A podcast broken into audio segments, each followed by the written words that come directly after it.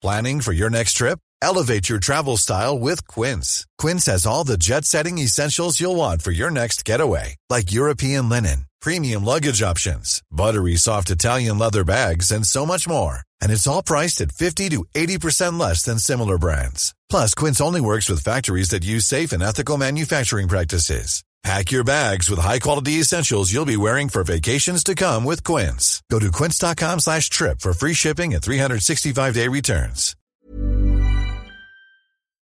Hej innebandy Sverige och innebandyvärlden. Jag vet att ni är många som lyssnar. Därför är det extra kul att den här gången välkomna Karl-Åke Ahlqvist. Ja, ni vet han som av många kallas för innebandyns fader.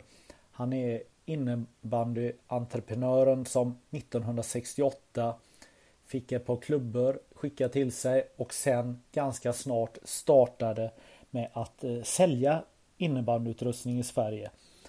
Efter ett par år så började han också tillverka egen utrustning och han började missionera innebandyn i Sverige, i varenda stad i Sverige och över nästan hela världen. Han har egentligen varit i varenda land som finns i stort sett och eh, visat upp innebandyn. I Japan har han varit nästan 40 gånger i innebandyns tjänst. Eh, han har eh, övertalat eh, idrottslärare, politiker, ja egentligen alla till att testa på det här spelet innebandy. Det finns otroligt mycket att berätta om eh, Karl-Åkes arbete som han gjorde för innebandyn under 70 och 80-talet. Alltså långt, långt, långt, långt före Svenska innebandyförbundet bildades. Så jobbade han stenhårt för att få den här sporten att växa. Men nu tycker jag att det är hög tid att vi eh, startar det här avsnittet med Karl-Åke Ahlqvist. Nu kör vi!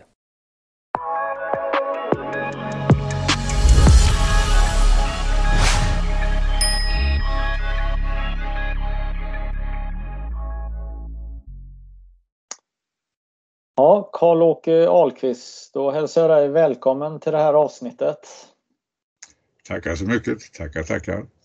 Ja, eh, det är alltid jättekul att eh, prata med dig. Eh, du har ju så otroligt mycket att berätta. Jag höll ju på med en innebandybok under fem år och där var ju du ständigt ett ämne och ja, jag kan väl säga att jag känner till din eh, innebandyhistoria ganska bra. Men nu tänker jag att fler ska ta del av eh, eh av din eh, fantastiska resa som du har varit med om. Men jag tänkte vi ska backa bandet lite. Din farfar han var med och bildade Örgryte IS. Det är ju en av Sveriges äldsta idrottsföreningar. Berätta! Ja, det är faktiskt så att eh, min farfar, om han nu hade levt, hade nog blivit rätt så stolt att ytterligare en i familjen för sporter vidare. Och det stämmer helt och hållet. Han var ihop med Friberg som grundade ÖIS här ute i Örgryte. Och eh, på den tiden var det inte så mycket innebandy. Det var ju många, många andra. Det var framförallt var ju skytte väldigt stort på den tiden och allt vad det var för någonting. Så det var inte så mycket lagsporter utan det var mycket individuella sporter. Men han var en förgrundsfigur. Vilken sport var det han eh, vurmade för? Han var en fantastisk skytt. Hade massor av guld och massor av silver och massor av brons. Och när han dog så skulle vi ta och stöpa ner allting och skänka bort. Och sen din pappa eh, var ju företagare. Eh, kan du berätta om det? Ja, min pappa var då järnhandlare. Och han växte upp mitt emot en järnhandel ute i Mölndal, på Mölndalsvägen. Och när han till och med var liten sa han, det ska jag bli när jag blir stor. Och under resans gång så tog han en utbildning, var nere i Tyskland bland annat i ett halvt år. För det var där alla verktygen fanns och köpte 1938 köpte han ett bolag som heter Werner, Hugo Werners järn som låg på Mölndalsvägen i en gammal träkåk som var fantastisk med både tinnar och torn. Och eh, där blev man helt enkelt eh, uppvuxen. Jag var ju ofta där nere och eh, paketerade framförallt spik, för spik fanns inte paketerat förut. Sen det vägde man upp och vi fick paketera det i små, små strutar och det gjorde jag säkert i många år. Och sen naturligtvis när man var lite äldre så fick man sälja smällare. Då fick man se lite äldre ut än vad de andra kunderna som kom och eh, det finns en väldigt klassisk eh, historia för Werners järn som det hette var känt för smällare. Så kom en liten kille in och så sa han så här till expediten, du eh, har du sjuöres smällare? Nej, sa han, det har vi faktiskt inte. Den här killen var inte så gammal. Har ni hoppetosse då? Nej, det har vi inte annat. Nej. Har ni ett öre smällare? Var de här ett öre som satt ihop på band? Nej, det har vi inte. Nej, sa killen och tittade på honom. Har ni stora, stora spik? sa han. Ja, sa expediten. Spika igen dörrar då. ja. ja, många roliga historier där. Ja. Men där eh, någonstans så, eller om man kan säga att du har eh, att vara företagare och, och eh, driva saker framåt har varit lite naturligt för dig då kan man säga. Det, det var, det blev naturligt och de första klubbarna jag tog in, det tog jag in i min pappas järnaffär helt enkelt och det var där vi distribuerade det under ett antal år från järnaffären. Så Werners järn var rätt så känt bland skolorna i Sverige faktiskt. Och, ja. eh, Men sen eh, delas det upp eller såldes? Var det då du eh, var tvungen att ja. Byta ja, inriktning då och ta över dig själv och driva det eller? I början på 70-talet så gick vi ihop med ett annat bolag och då tog jag ut innebandydelen som jag hela tiden haft. Även när jag läste och så vidare så hade jag det vid sidan om. Och eh, sen 72 tror jag det var så blev det ett eget bolag, C och Ahlqvist Agentur AB som senare ändrades till Uni, Unihoc Sport AB. Mm. Och då, ja.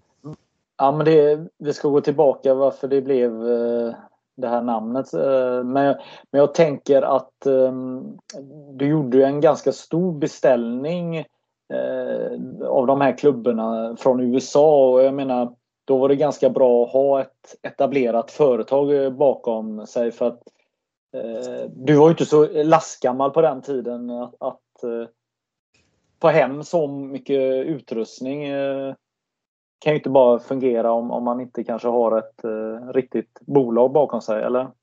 Nej, men det stämmer. Det är klart att man ringer inte till Amerika, läser av på klubban den tillverkaren är och säger Mr Karlsson, jag skulle vilja ha 100 uppsättningar av klubbor.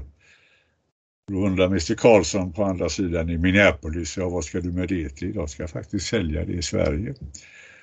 Så det var ju en, en fantastisk sak och då fick jag hem de här hundra spelen och då var det tio stycken klubbor och så var det två målvaktsklubbor i.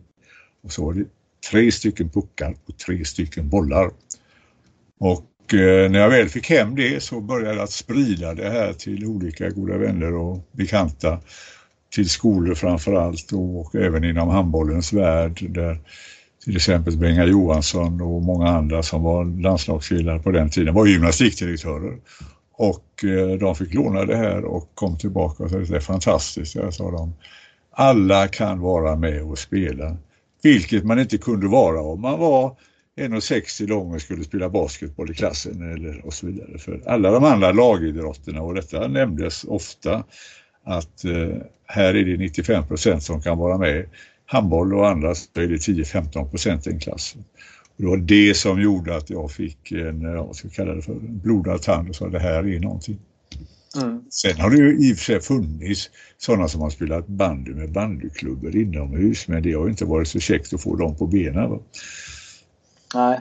Nej men alltså din eh, ingång eh, till många var ju att du var ju ganska duktig i handboll. Du var ju till och med med i U21-landslaget i handboll och på det sättet hade du ett bra kontaktnät eh, med personer runt om i, Sverige, eller?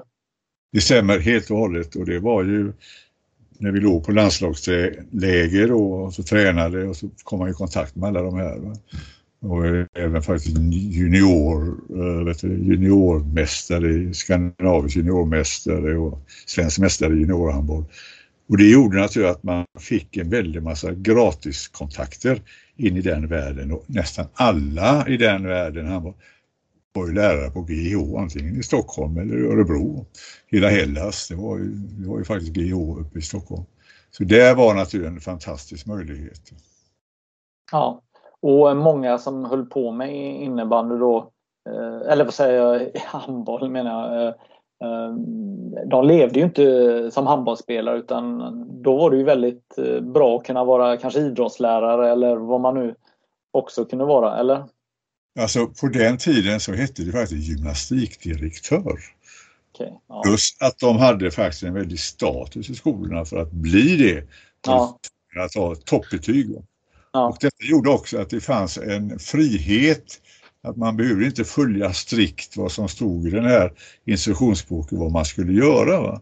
Jag säger, och har sagt det många gånger att, att innebandyn fick fäste i skolan det berodde på de här gymnastikdirektörerna som var öppna för nya saker. De hade aldrig spelat detta själva men de fattade detta med klubba och boll och det var det som var grunden för att vi kom in i skolans värld.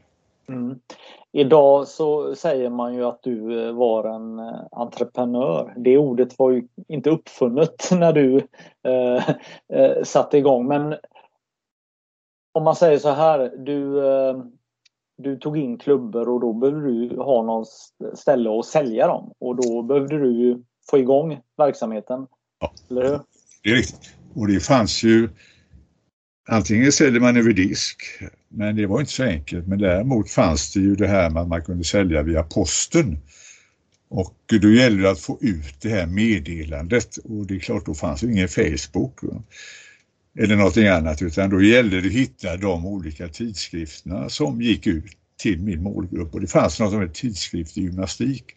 Det var en som hette Claes Annestedt som var eh, redaktör på den tiden och eh, på sista sidan så satte vi in vilka skolor som hade köpt. Och texten blev mindre och mindre och sen blev mer och mer skolor och då kunde de här killarna ringa till varandra. Spelar du innebandy? Du där? Vi läste ihop där. Så, vidare. så det var det som gjorde det. Sen hade vi naturligtvis andra media som typ Korpen och, och annat. Men framförallt var det tidskrift gymnastik som var den stora. Ja. Jag eh, har hittat eh, dokument eh, som säger att 1972 var ett väldigt viktigt år. Det hände mycket under det här året. Bland annat så i augusti så som jag uppfattar det bland de första rejäla kontakterna du har med bandyförbundet där när ni börjar eh, samarbeta. Eh, för att sedan, om jag tror det är drygt ett och ett halvt år, nästan två år senare, starta något som heter innebandytrim. Där ni eh, kontaktar 5000 skolor i landet. Kan du berätta lite om samarbetet ja. med, med bandyförbundet? Walter Jag, Walter Jagbrand bland annat, som han hette på den tiden. Och sen kom en yngre till och eh, de här tyckte det här med innebandy lät ju väldigt intressant eftersom det skulle kunna vara ett insteg till bandyn på sikt. Och eh, då gjorde de en stor broschyr, spela innebandy, ja, spela innebandy ute helt enkelt också. Att man fick ut det lite grann och det var ju många som började springa ut på, på, vet det, på vet det, skolan, skolgården och satte igång och spelade. Men det är klart, det var inte så där jättebra. Det var lite grovt det där så klubborna slits ju ner väldigt fort. Va? Men eh, de stod väldigt bakom det här.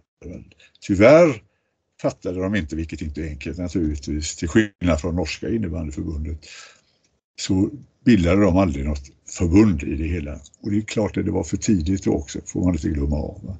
Men för oss var det naturligtvis oerhört viktigt. Nu hade vi Korpen, hade vi gymnastiklärarna och nu hade vi inne, eh, Svenska bandyförbundet som såg fördelen i det här som vi kunde skjuta framför oss hela tiden. Mm. Ja, och ni vill ju, eller du vill ju kränga eh, utrustning och eh, bandyförbundet ville hitta nya medlemmar.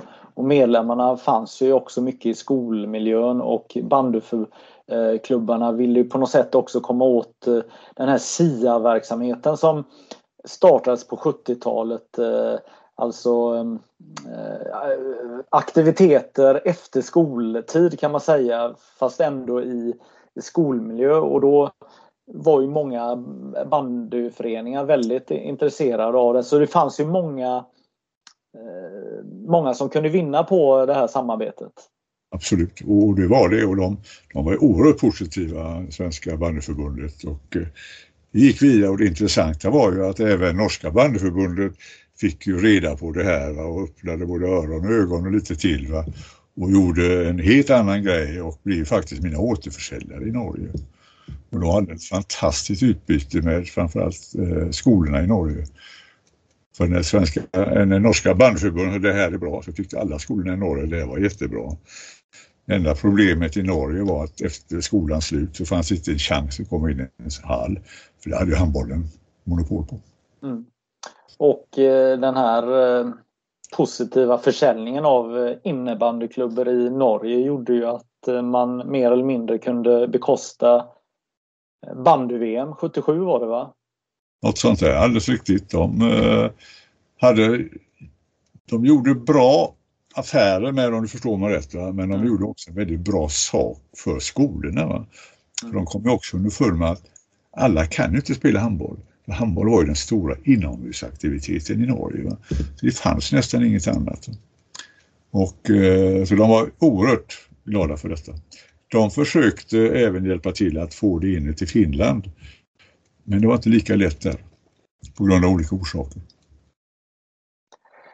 Vad, ehm, Eh, det finns ju också en eh, legendarisk beställning. Beställer du inte 25 000 blad eh, och alla gick sönder? Berätta. Jo, eh, vad som hände var att vi hade den här oljekrisen på början av 70-talet. Och eh, vi hade en väldigt duktig kille här i Kållered som jag pratade med som jag kände från skoltiden. Så här, kan inte du göra skafterna för oss? Och det var inga problem för han, för han gjorde massor med rör. Så vi beställde bara bladen från Amerika. Och det hade jänkarna ingenting emot heller för de, det var lite, lite marginellt ändå och då köpte vi 25 000 men det visade sig att de hade använt dåligt plastmaterial. Så ja, 24 990 gick sönder alltså och det var ju en fruktansvärd, vad ska vi kalla för, både otur men det var ingen bra sak för innebandyn. Eftersom vi fick väldigt, väldigt dåligt rykte. Men det gick rätt snabbt ändå. Vi kom tillbaka och alla fick nya saker. Liksom ingen diskussion, hade gått sönder så fick de nytt. Även om det gick sönder på nytt så fick de ändå nytt. Och sen kom vi tillbaka igen. Ja, var det då du tappade håret eller? Mer eller mindre, ja. ja. ja. Nej, men då förstod man hur känsligt det här med plast är. Mm. Ja, man trott alla att ja, men det är väl inget konstigt med plast. Och menar det här med att, att klubbor gick sönder, det fortsatte ju senare också av en eller annan anledning. Men då var det väldigt, väldigt illa och det berodde på att vi fick något som kallas off-grade på grund av att det fattades material i Amerika. Så fick vi dålig kvalitet. Mm. Men som tur är blev det historia. Mm.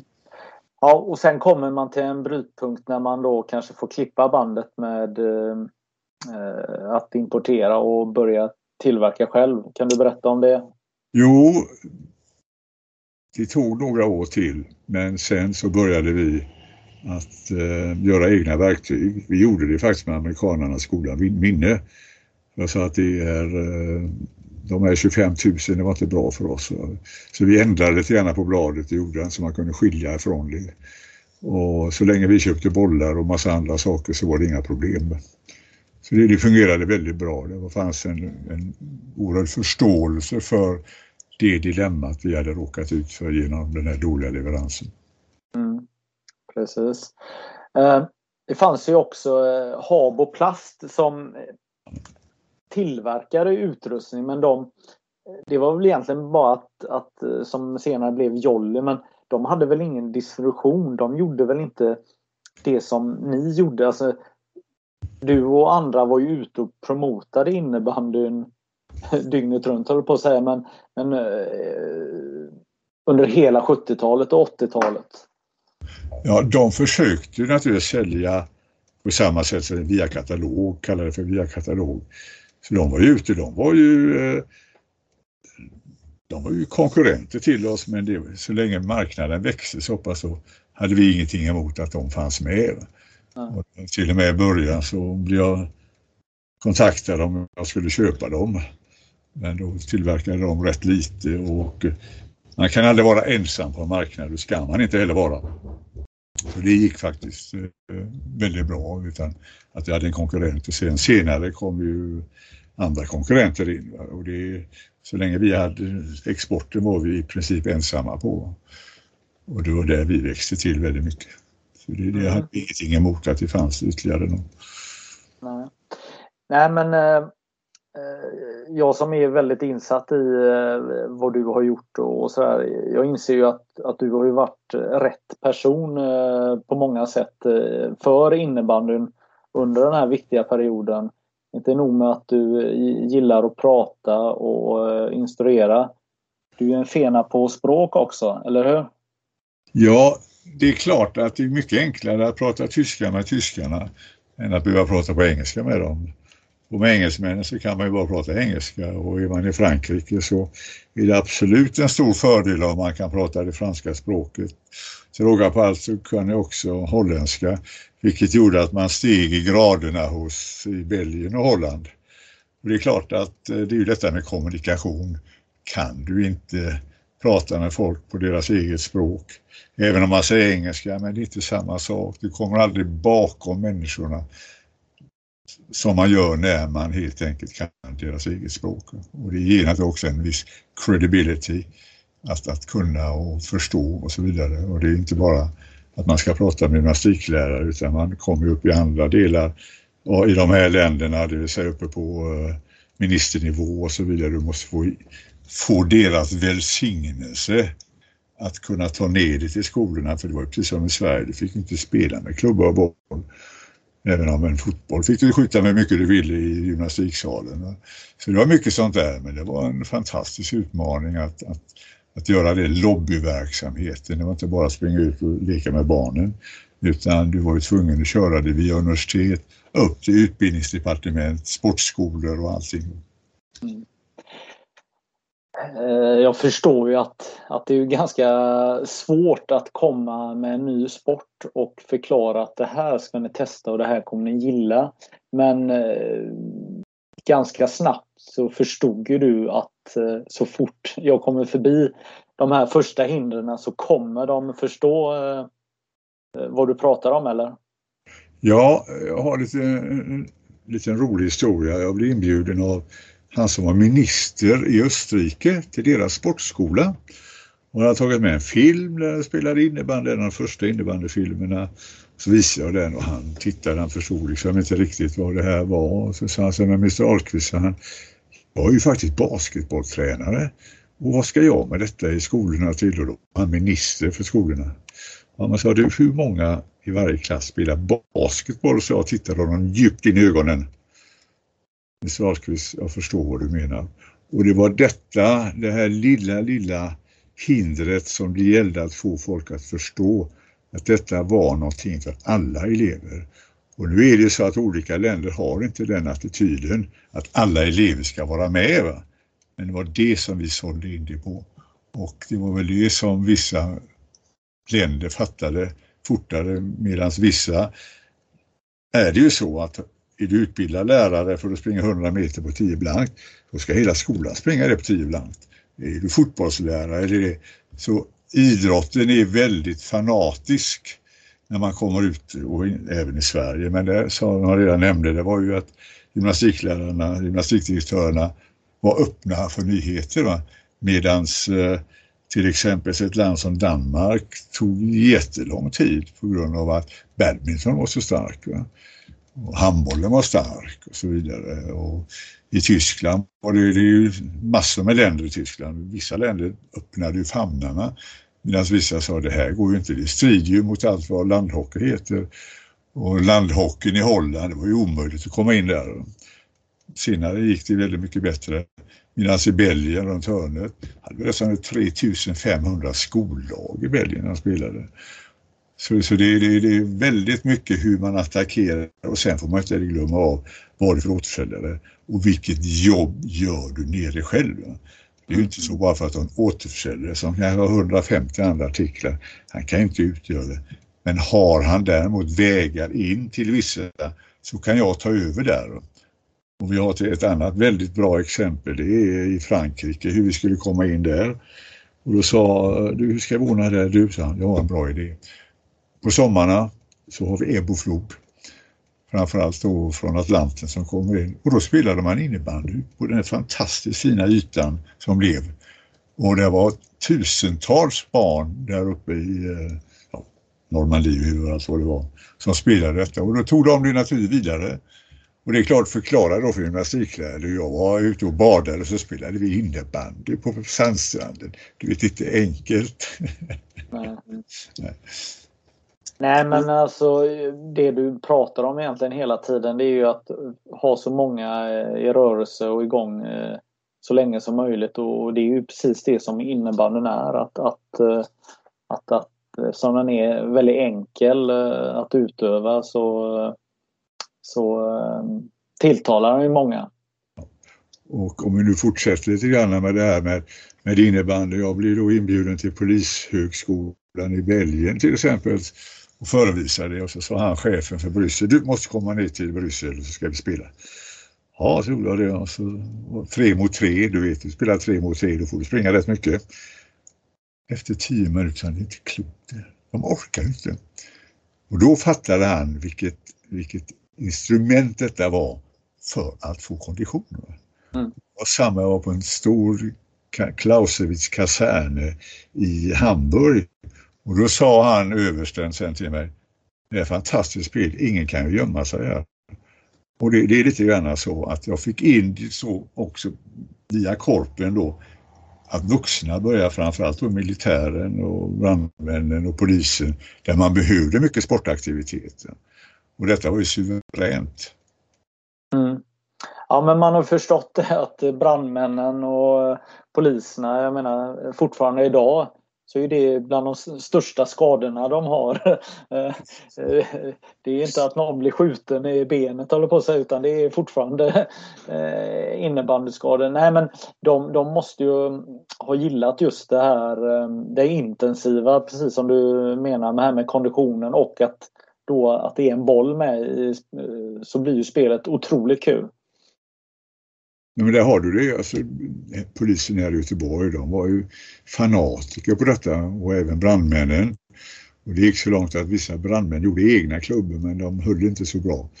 Eh, så de körde ut med bilarna och så in med innebandyklubborna och så sprang de. Och det är klart att när du spelar i den här åldern 35 och så ser du en ribbstol, där ska den här gubben sitta. Det är klart, håller du inte till reglerna i en sån snabb sport, det är klart att det kan bli små skador. Mm, ja. Vad, äh, åren går ju här och eh, nu, nu eh, de, de som minns äh, 70-talet och som kanske var småyngliga, de har blivit lite äldre här nu, precis som en själv här. Men skulle du kunna berätta lite konceptet runt de här klassiska kartongerna med, med klubbor och, och så? Vad, hur tänkte ni? Vad, mm, för ni sålde ju paket. Man, man köpte ju klubborna. I, det är inte som idag att man köper en klubba. Och, utan det var väl i paket det såldes? Jo, det var paket. Det var precis som jag sa till dig förut. Det var tio stycken eh, klubbor och så var det två målvaktsklubbor. Det ändrade vi på eftersom vi inte hade någon målvakt i Sverige utan man gjorde de här små målen 40 gånger 60 eller 60 gånger 90. Och det var ju inte så att det var du och Kalle och Pelle som köpte en klubba. Antingen var det klubben så var det i eh, skolan eller så var det i fritidsgården och så vidare. Och, det var där, och då fick ju alla varsin klubba när de kom dit. Men det blir ju senare när materialet blir mycket, mycket bättre då man förstår att man ska ha sin egen klubba. Och så var det och vad vi gjorde också, att vi förstärkte den här klubban.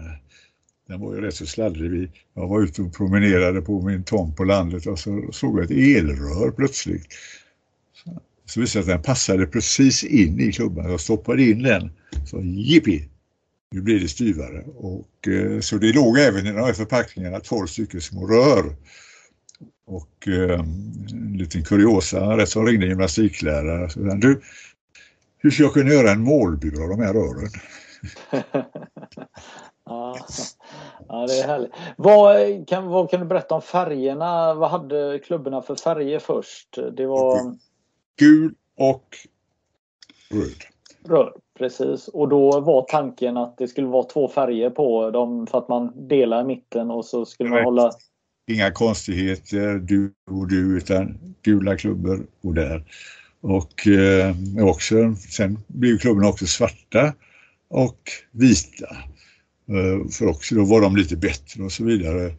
Och jag råkade bli inbjuden till en stor festival nere i Afrika. Och så sa, sa jag, ja boys, de svarta där och de vita där och gubbarna tittade, vad menar han? ja, ja det, de, de svarta och vita de eh, var under många år eh, storsäljaren för er va? Absolut, absolut. De var ju inte betydligt men de var tillräckligt styva för att få en helt annan teknik. Mm. Med de lite mer flexibla klubborna så sprang man mer. Här kunde man rätt finta av någon och så vidare och skjuta lite bättre. Mm. sen kom ju då fiberklubborna, det kom fiberskaft, glasfiber i och då ja. fick du en helt annan möjlighet att eh, både dribbla och skjuta. Ja, precis. Men under väldigt många år så var väl ändå efter, inte efterfrågan av eh, att produktutveckla den stora saken utan det var väl att just kunna få tillgång till utrustningen det var väl det som var... Ja, precis vad du har frågan. Precis, är det. Ja. Först köpte skolorna kanske ett spel. Mm. Nästa gång köpte de tre spel. Och det var samma med fritidsgården. Han köpte ett och så blev det tre, fyra spel. Det var, blev så många som ville spela. Och eh, det var där det låg mer på volymen där. Och eh, så länge det höll i sig, till exempel på universiteten, så var det också de här svarta och vita klubborna och eh, det var ju tusentals som spelade och alla hade, eller ingen hade sin egen klubba. Så alla mm. fick helt enkelt eh, låna. Mm. Så var det väldigt länge. Ja.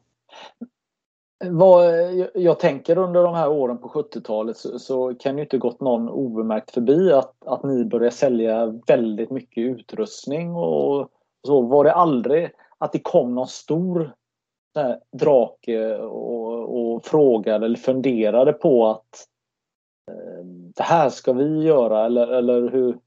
Nej, det var alldeles för lite för att någon stor drake överhuvudtaget skulle titta på detta. Sen får vi också tänka på att vi var ju inte via återförsäljare utan återförsäljarna kom ju i mitten av, skulle jag vilja säga, 70-talet och framåt lite grann. Det fanns ju vissa butiker som Alevall Sport till exempel i Stockholm som hade alla skolorna. Och det fanns ju eh, andra, det var ju Huddinge Sport, de hade Huddinge. Så det fanns ju 15-20 stycken återförsäljare till oss som då var specialiserade på att sälja till skolor. Och det var de vi sålde först till.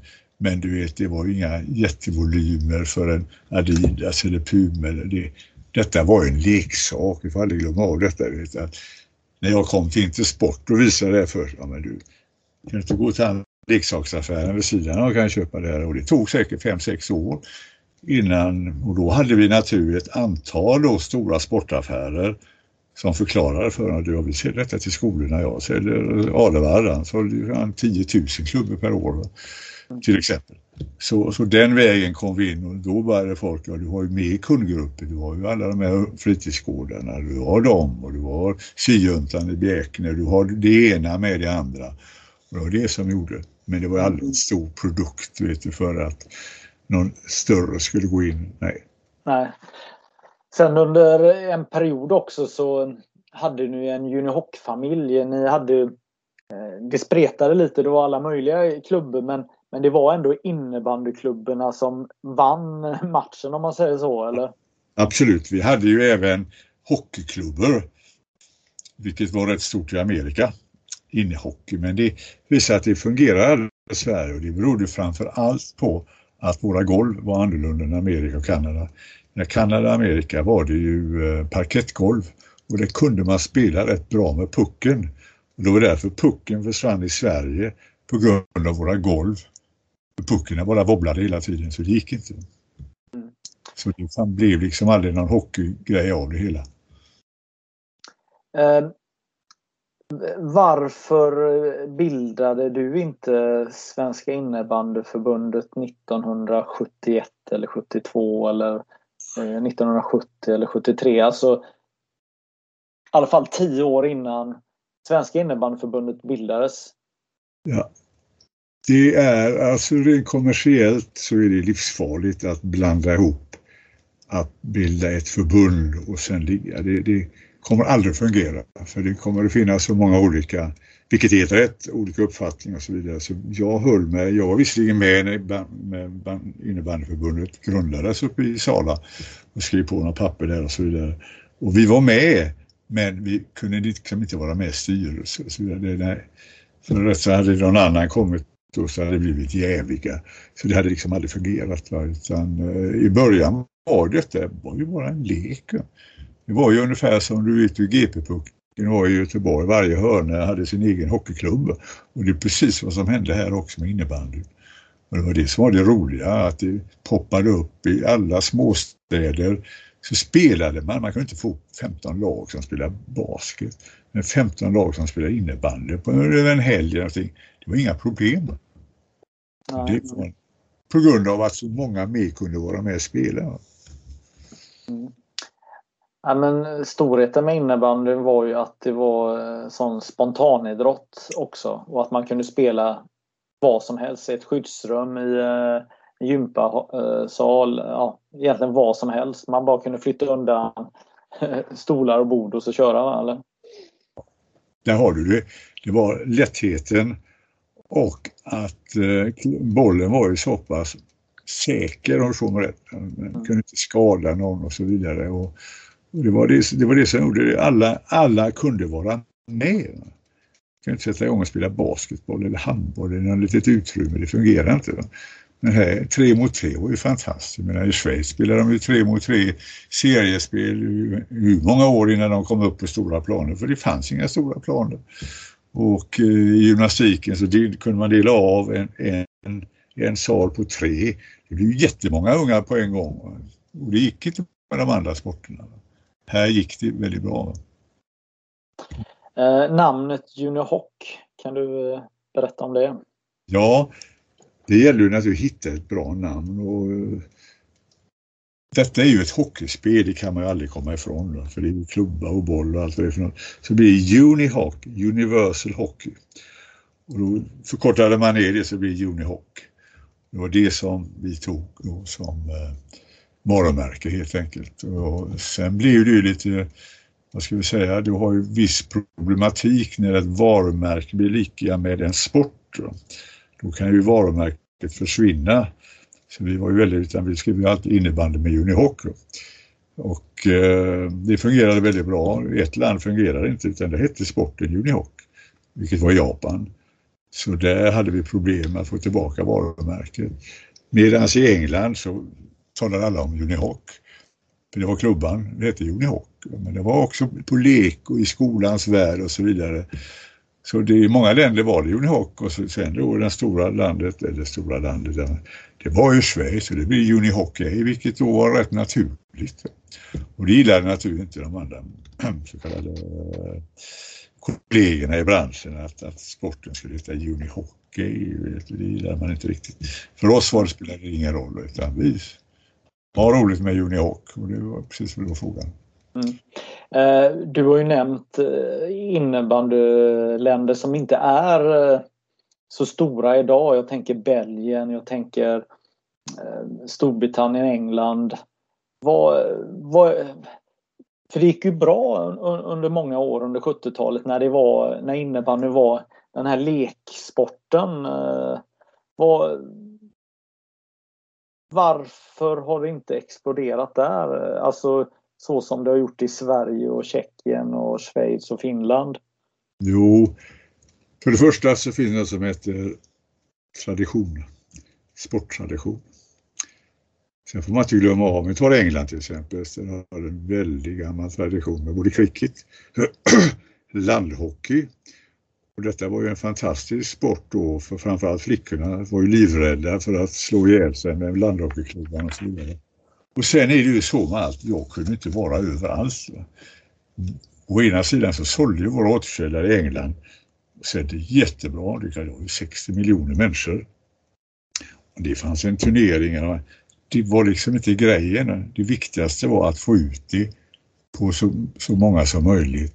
Och sen kom vi då in med Boy Scouts, vilket var en stor organisation. Men du vet, att komma in i ett land och så säger jag nu ska ni spela innebandy. Det är inte enkelt. Det, det, alltså, det finns så mycket traditioner, det finns så mycket annat som ligger bakom inom idrotten. Det är ju ingen som bjuder in, vi blir ju inte inbjudna i Sverige heller. Och då satt vi ändå här och där man hade massor med kontakter och så vidare. Kunde ta kontakt med vem som helst men ska det vara på andra sidan, har du då inte den återförsäljaren som har den ambitionen och jag var ju där och bygg, jag var ju alltid där i de olika och bygga upp att det blev en marknad av det. Men sen för att ta det vidare, de försökte, för de såg ju oss och skickade folk hem till oss i Sverige för att se hur det var. Eh, ena landet där man lyckades någorlunda var ju faktiskt Tyskland, var ju gamla DDR. Det är min återförsäljare eh, och vi hittade några killar där nere i eh, Dresden och Leipzig och så vidare som kom hit och där blev det ju faktiskt en riktigt bra sak. Men du vet i Tyskland, i 16 länder, handbollen jättestark, fotbollen jättestark och så vidare och så vidare och det är inte bara att komma in Du har också en relativ brist på hallar. Och eh, många andra idrotter är etablerade. Varför vi lyckades så bra i Schweiz då relativt sett. Det var en duktig återförsäljare. Alltså en kvinna som hade sitt barn som ville spela där och hon engagerade sig enormt i det här. Va? Så hade ju folk roligt.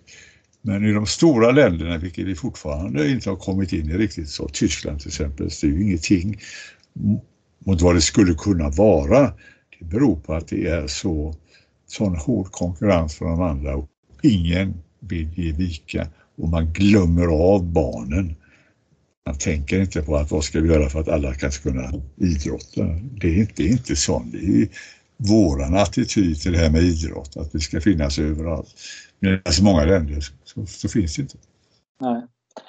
Men jag tänker det som har varit eh, din stora eh, eh, vad ska man säga, det du har, har bidragit med det är att du har varit ute på fältet. Du har varit ute, du har varit i jättemånga länder, inte bara en gång utan ja, extremt många gånger. Jag menar Japan, hur många gånger har du varit där? Jag har varit, för innebandyns del var säkert 35 gånger där. Ja, precis. Och, och eh, jag menar, det, det, är ju en otrolig investering man gör när man åker iväg och träffar folk och har tålamod. Och tålamod tänker jag och sitter och väntar på sin tur att få visa upp den, det här spelet, eh, sporten. Jo men så är det. Alltså du måste, det är inte frågan om längden många gånger när du åker ut utan det är att du ska återupprepa det. Det är precis som du åker som en trädgårdsmästare. Du får åka ner och så får du fylla på lite vatten då och då. Va? Och så får du prata med dem, så får du ta hem dem till Sverige och visa dem hur det går till. Du måste hela tiden vara den som motiverar dem här för de är ju faktiskt dina säljare om du får mig rätt. Mm. Och, eh, det är väldigt svårt att få tag på sådana människor. Mm. Väldigt svårt. Vissa återförsäljare var väldigt duktiga men de hade en sån palett av andra produkter att de kunde inte sätta en man på mina grejer utan jag var tvungen att åka ut i de olika länderna, skapa den här eh, efterfrågan som vi gjorde. Mm. Eh, det känns som eh, dina egenskaper skulle behövas idag. Eh, eh, jag tänker både ute i världen, innebandyvärlden, men även här nu på hemmaplan i Sverige nu när, när marknaden är ganska mättad eh, på något sätt och att vi eh, har lite svårare med innebandyn att nå ut i, i skolmiljö. Eh, skulle man inte behöva göra om det jobbet som du gjorde på 70-talet och 80-talet? Nu har jag ju lämnat det här med innebandy i Sverige sedan 15 år skulle jag vilja säga. Men jag har ju varit och sett mina egna barnbarn och det är klart att det är inte samma go, varken på tränare på det andra. För innebandyn har nått en nivå, en mognadsnivå här där man har man följer de andra idrotterna helt enkelt. Och det är det som då är, jag vill inte säga att det är dilemmat, men det blir inte samma entusiasm för att få det här och liksom säga att varför ska, varför ska du skicka barnet till innebandy? Jo, det är faktiskt så att i de här en timma så springer de så många meter och så mycket mer än de gör, säger någon, annan idrott. Plus då får man ju säga att, titta bara på handbollen, har ju försökt och de har ju, det ligger ju helt andra pengar, man inte glömma av de andra gamla etablerade idrotterna. Och där får jag väl säga att internationella förbundet har ju inte alls, vad jag ser det från min sida, klarat av att få in några riktigt stora. De var Asics lite grann, men var i Puma, var i Adidas och många andra. De har inte kunnat sälja detta på rätt sätt, tyvärr alltså. Mm. Mycket möjligt att jag tar fel, du vet säkert mycket mer om det här. Men mm. jag, jag, ser ju att innebandy, okej okay, nu är det mer i tv och så vidare än det har varit, absolut, för det är en sån etablerad idrott. Men man måste gå in, precis som jag sa till tyskarna, ni måste jämföra er med andra. Och det har jag sagt till Videll och de andra. Ni måste jämföra er med de andra idrotterna. Titta vad vi har gjort de sista 20 åren. För det är ju så, det är ju benchmarking. Vad gagnar ett barn mest?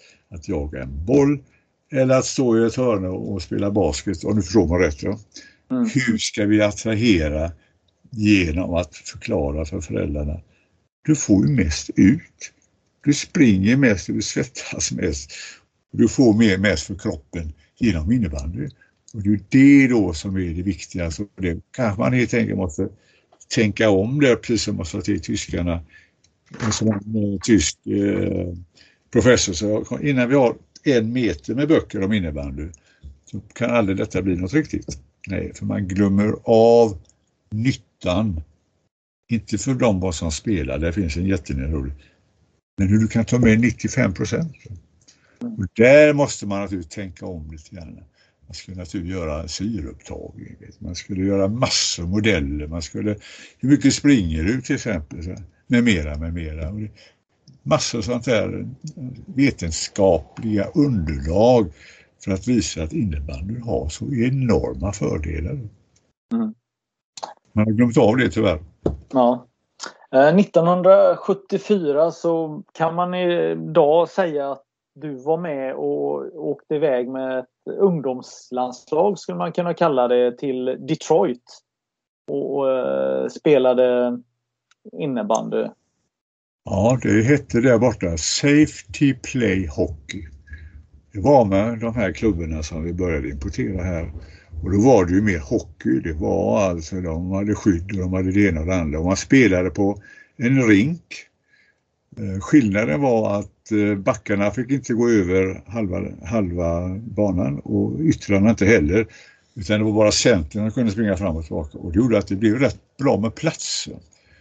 Eh, och det var ju något som hette Battle Creek.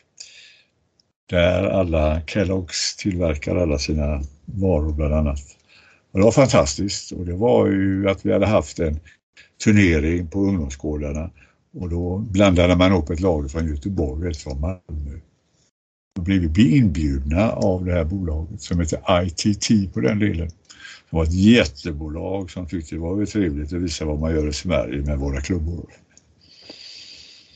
Ja, det var en eh, häftig eh, resa och eh, alla som har köpt min bok här eh, kan ju läsa ännu mer om eh, vad ni hade för er där.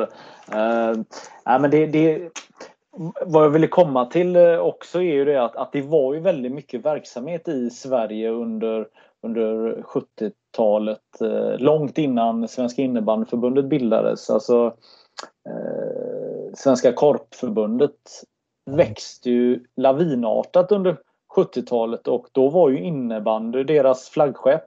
Ja, de hade ju så kallade ungdomskorpen som det hette, var en avdelning där och de satte igång med turneringar. Och sen hade du i Järfälla hela Stockholmsområdet, framförallt under eh, loverna, hade turneringar med 20, 30, 40, 50 lag. Så det skedde väldigt, väldigt mycket i det du förstår mig rätt. Mm. Att eh, någon egentligen organiserade men de här killarna som var fritidsledare och de i ungdomskåpen, de, de såg ju de attraherade en annan del av ungdomarna än den vanliga delen som gick till fotboll och handboll och så vidare. De var ju redan där. Va? Men vad ska vi göra med alla andra som inte kan spela?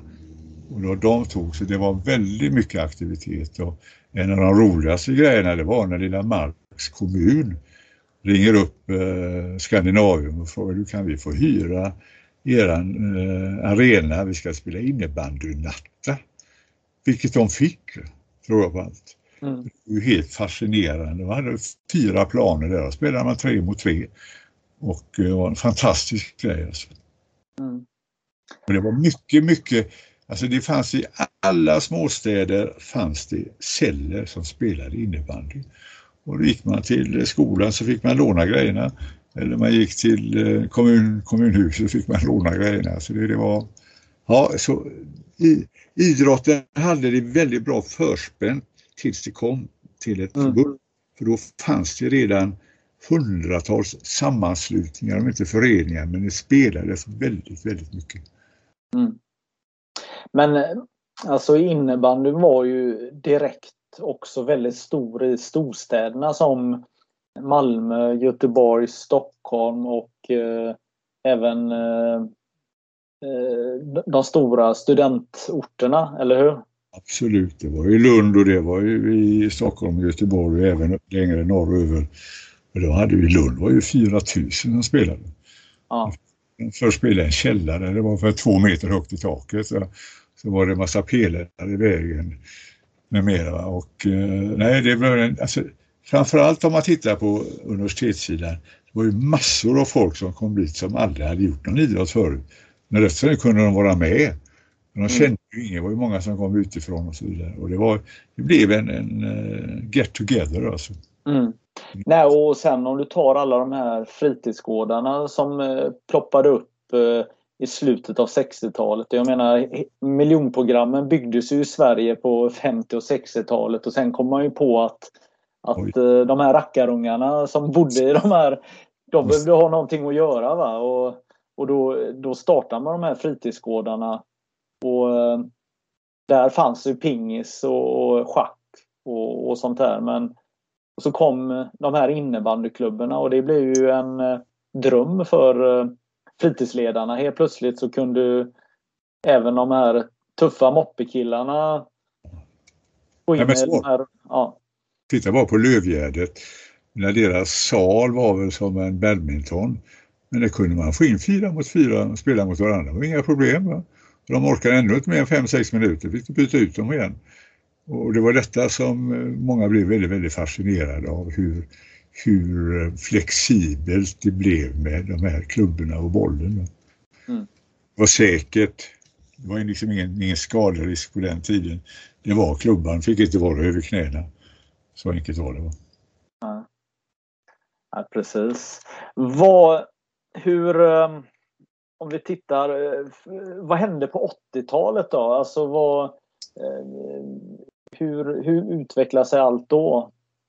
Alltså på 80-talet gick väl allting, det gick mer och mer emot, eh, vad ska vi kalla för, det kommer nya klubbor fram, det kommer nytt material fram. Då blir det lite mer individualiserat plus att titta bara i Göteborg så poppade det upp faktiskt en hel del klubbar. Och det gjorde det också i andra större städer. Jag vet att du en gång berättade att du, sålde, du köpte klubborna för 10 kronor styck och sen sålde dem för 18 kronor styck. Var det, eh, när var detta? Var det tidigt 70-tal eller? Det är tidigt 70-tal. Ja. Absolut. Gjorde du några fantastiska pengar någon period? Nej, det, det, det, för det första var ju volymerna var ju rätt begränsade ändå. Mm. Allting det som man tjänade gick ju in och, i resor och nyutveckling och så vidare. Så det var ju ingen, jag ska kalla det för rent kommersiellt var det ju ingen jättegrej. Men att jag kunde försörja mig själv på det, självklart.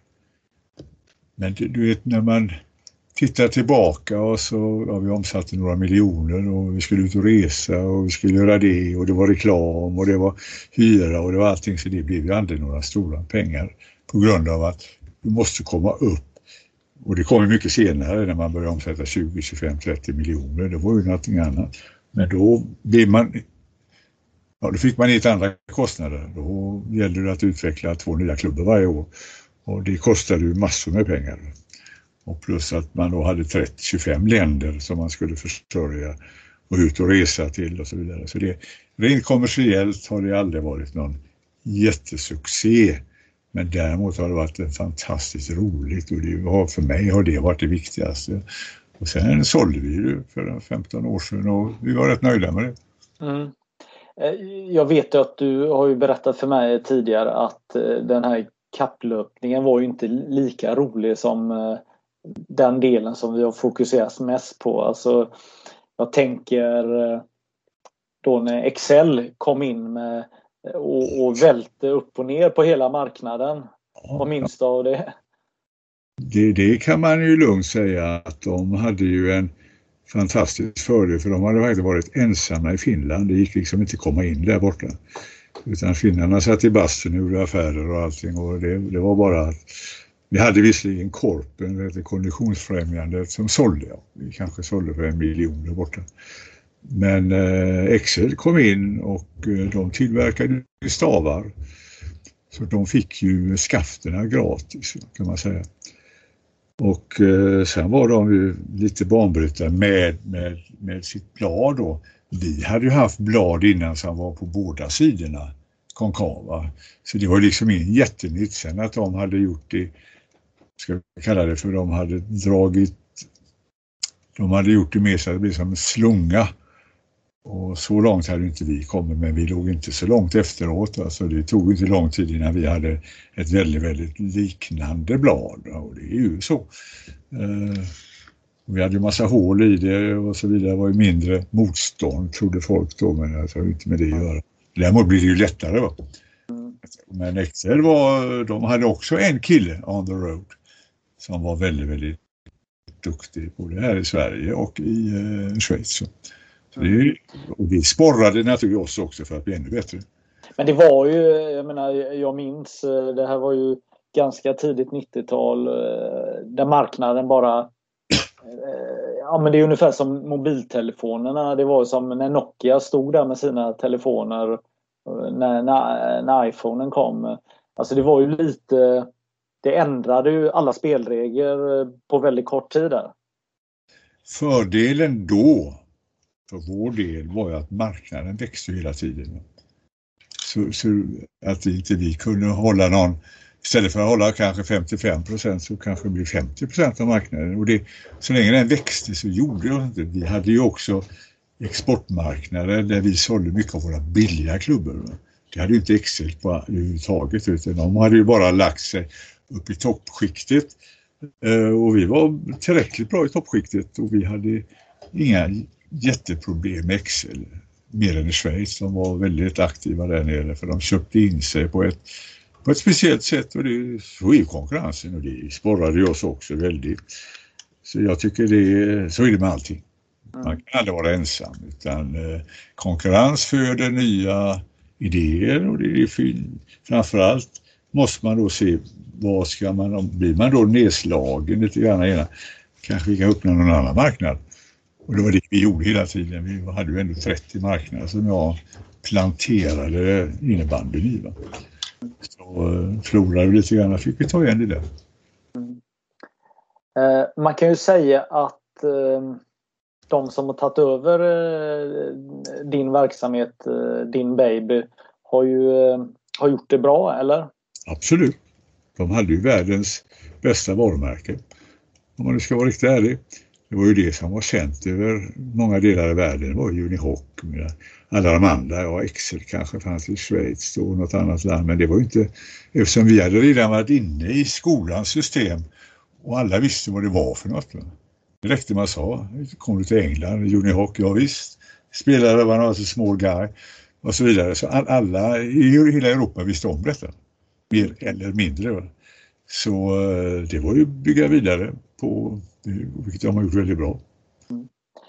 Eh, nu eh, när åren går så blir det mer och mer distans till det hela. Nu är det snart 17 år sedan som du lämnade över. Hur, hur känns det nu att se ditt varumärke, att det lever och mår bra? Ja, det är ju jätteroligt. Det är ju eh, fantastiskt att kunna säga till barnbarnen, du där ju ni åkte, det var faktiskt din farfar som grundade det en gång. Va? Så jag tycker det är utmärkt och det är, det är väl det sämsta som kan hända om man säljer till någon, att det bara försvinner sen. Utan tvärtom så har ju de, eh, ja, de tog vara på den möjligheten som fanns. Och eh, det är faktiskt så när jag med innebandy så blev jag faktiskt inbjuden på deras 40-årsjubileum i Gävle. Dit ska jag få hålla tre minuter, ska stå där och visa hur första klubban såg ut. Ja. Så det blir den sista sucken för innebandy. Men jag tycker det är jätteroligt och framförallt när man då ser sina barnbarn spela lite grann. Och det är kul. Men jag har ju varit på någon match och tittat lite grann på tv. Och det finns, för mig finns det bara vissa matcher som är något. Det är semifinalerna och så är det finalen. Mm. Det är liksom, det, det, är fascinerande alltså. Det är tempot och allting. Det, det går liksom inte att föreställa sig genom andra sporter för det finns inte. Det tempot ja. finns inte. Utan ja. De matcherna är fenomenala men tittar man på tv bara rätt så enformigt. Jag tycker det är väldigt många ben i vägen också många gånger. Ja. ja. Men, men alltså jag frågar ju dig där lite om eh, ekonomi och, och de bitarna. Det är ju egentligen ganska ointressant för att vad som är intressant är ju att, att du, eh, du är ju historiskt unik eh, nästan i innebandyn att eh, det är ingen som kan ta ifrån dig vad du har varit med och skapat. Absolut inte, så enkelt är det. Och eh, det är ju så, den dagen du stämplar ut så, eh, så, så kommer man ju prata om dig och vad du har eh, gjort för innebandyn. Hur, hur tänker du på det? Vilken fråga. Jag har inte tänkt så. Men det är klart att vissa lämnar ju ett, ett historiskt, ska kalla för, Å ena sidan kan man säga så här, skit jag fullständigt i hur innebandyn börjar. Men det är ju samma sak som du går ut i handbollen eller fotbollen. Det finns väl få som tänker på hur började det? Va? Det är lite grann så och det, det, får man väl ta med i beräkningarna. Och sen kanske det naturligtvis kommer en och annan fråga, hur började det här? Alla tror att det har funnits sedan urminnes tider. Så då kan det naturligtvis vara någonting. Å andra sidan så är det ju en rätt unik om man tar det till en skola, man tar det till hur ska man introducera en idrott då? Så är det ju en fantastisk grej, hur kan man göra? Va? Och där finns det fortfarande mycket. Jag har ju varit och haft föreläsningar lite grann här och där. Och ingen förstår det här egentligen alla. Hur fan var det blir åt? Och det är klart det är en pedagogisk uppgift också. Hur ska man förklara det? Hur du en, en fantastisk del i det hela för att få det här historiska minnet att leva kvar. Mm. För det är, alltså folk kan nog liksom inte fatta hur mycket jobb som ligger bakom och framförallt hur du måste få med andra människor i det här. Du kan inte vara över hela världen på en gång utan du måste ju hela tiden hitta de här eldsjälarna och se till att de gör det jobbet för dig. Och eh, i vissa länder har det varit jättebra. Titta på Tjeckien till exempel, det är fantastiskt. De två bröderna som tog över det en gång och vi hjälpte dem mycket i början och så vidare. Det gäller att hitta de här men det är inte enkelt att göra. Tyvärr kan man säga. Jag tittade i Tyskland så ja, vissa delar var väldigt, väldigt framgångsrikt. Och det, det, man kan inte vara överallt, det går inte. Utan varje land måste på något sätt hitta sin egen Karl Åke Ahlqvist för, för du ska få det. Va? Och sen är det inte alla som har samma referensram. Alla har inte den utbildningen och så vidare. Och det, det är ju sånt som man har fått efter åren. I alla de här olika länderna så har man ju fått höra så många olika varför ska vi göra det? Och då har man kunnat förflytta information från ett land till ett annat. Så har man satt in det i rätt koncept och så vidare. Och det är klart, det är ju inte lätt. Att hitta gubben är inte enkelt alltså. Nej. Jag, jag vet um, Beatles ehm, eh, eh, eh, blev nekade eh, skivkontrakt eh, från eh, något skivbolag som tackade nej till dem för att de sa att eh, gitarrband det är ingenting för framtiden. Men har du några sådana här där du blivit utkastad eller på något sätt där man absolut inte har velat ha dig och dina jävla innebandyklubbor? Jo, jag har faktiskt sett en gång och det får jag säga, det är fascinerande att du ställer den här frågan för överallt där jag har varit i världen har det alltid varit positivt. Det är ingen som har sagt det, men det var en gång var i Berlin, i en, en stadsdel som heter Steglitz. Och då kom jag in till han som var chef för all idrott och allting i skolor och allting. Och han sa helt enkelt, vad fan ska jag göra med dina klubbor här? Det går inte va?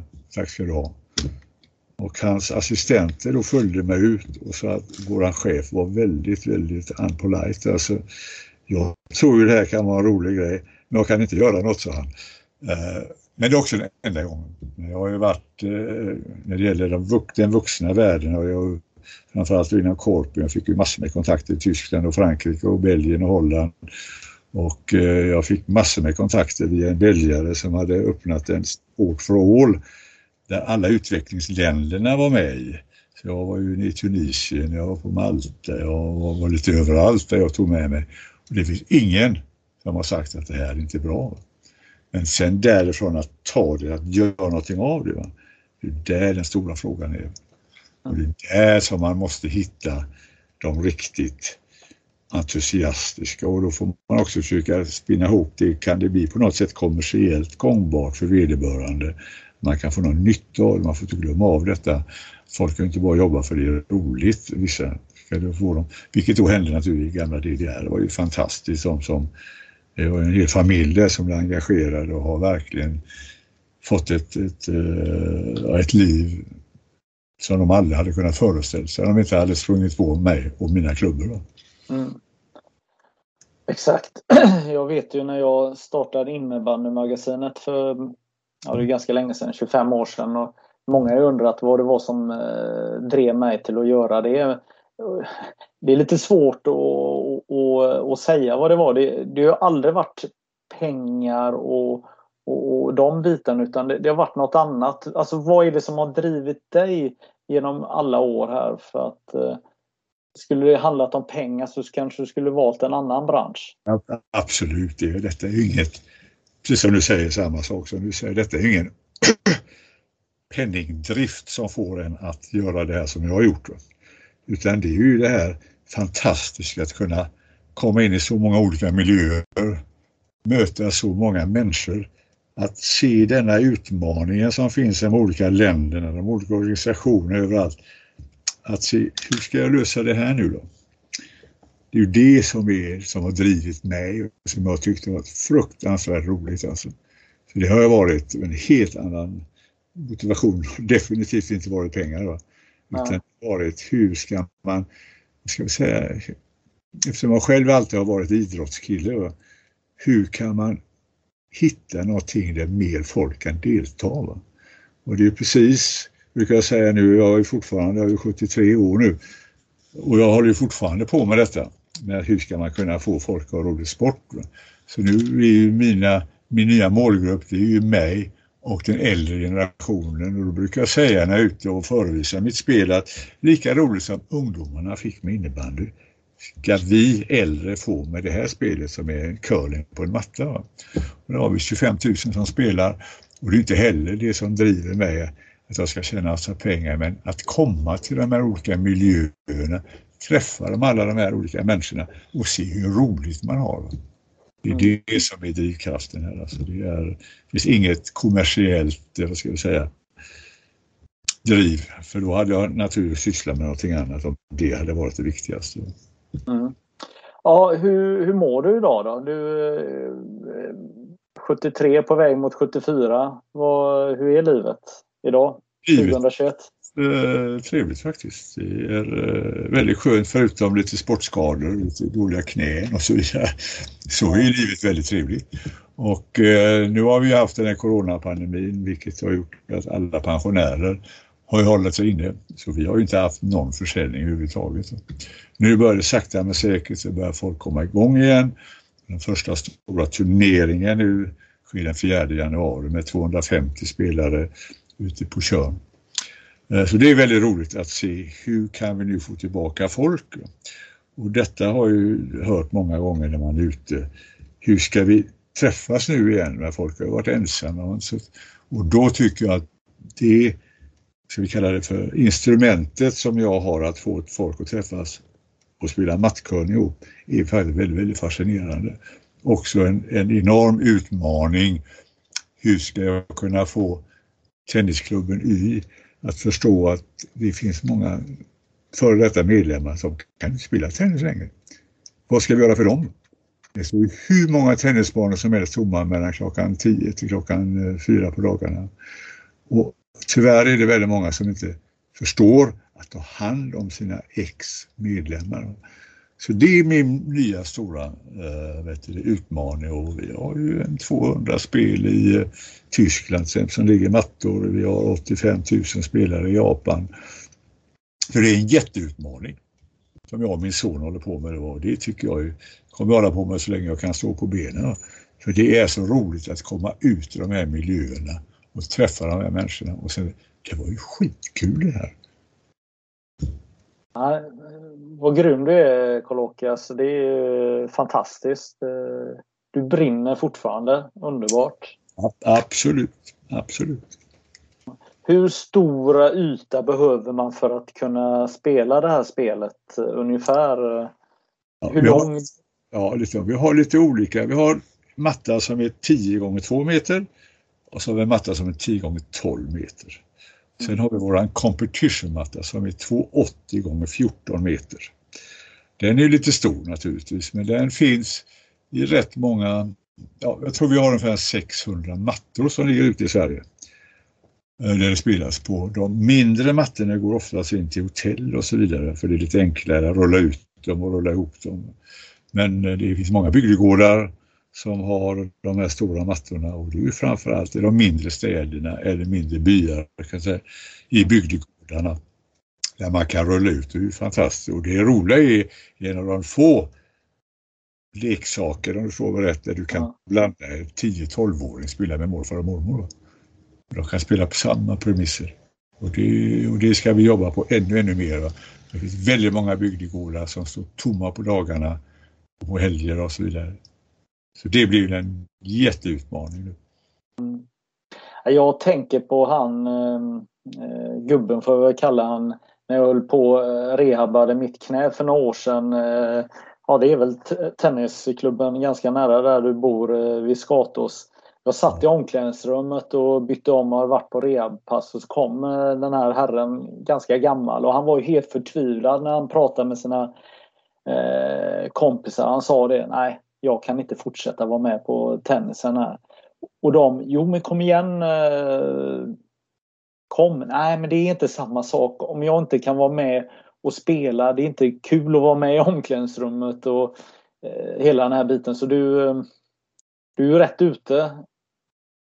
Ja, och det problemet som med innebandyn, det är ju att få de här som sitter som så kallade chefer då på de här att förstå vad det är frågan om. Va? Men eh, nu har vi ett annat litet koncept med de mindre mattorna och så vidare.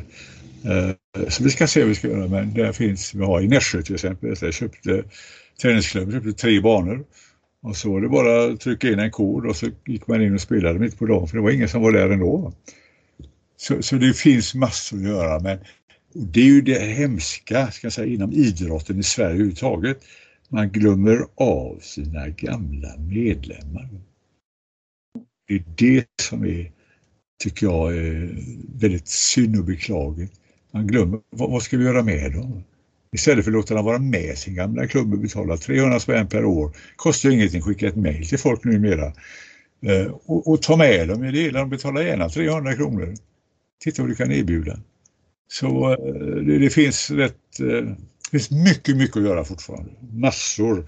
Och eh, jag ser det som en fascinerande utmaning det här med curlingen för jag har så många fina, fina vet du, eh, exempel på det här. Jag var ute på sportarenan här i Göteborg. Så rätt som det kommer en kille emot mig, han är väl 8-9 år äldre än vad Tjena Kalle, så Jaha. Ja, ja, vi spelade ju handboll mot varandra en gång då. Jag var ju med hem och du var stor redan då. Hur länge har du spelat matchkurv? Jag har spelat fem år, sa han. Skitkul. Fantastiskt att kunna vara med i ett lag igen och ha roligt. Ja. Så det, det, finns en, en fascinerande möjlighet och eh, det är bara att jobba vidare. Bara jobba vidare. Ja, härligt. Eh, då tackar jag dig Karl-Åke för det här samtalet. Vi skulle kunna prata ett par timmar till här. Eh, vi får se till att göra det vid, vid tillfälle här, tänker jag här. Men just nu så tänker jag att vi eh, tackar för din medverkan här. Absolut, absolut. Ordnar det. Planning for your next trip? Elevate your travel style with Quince. Quince has all the jet-setting essentials you'll want for your next getaway, like European linen, premium luggage options, buttery soft Italian leather bags, and so much more. And is all priced at 50 to 80% less than similar brands. Plus, Quince only works with factories that use safe and ethical manufacturing practices. Pack your bags with high-quality essentials you'll be wearing for vacations to come with Quince. Go to quince.com slash pack for free shipping and 365-day returns.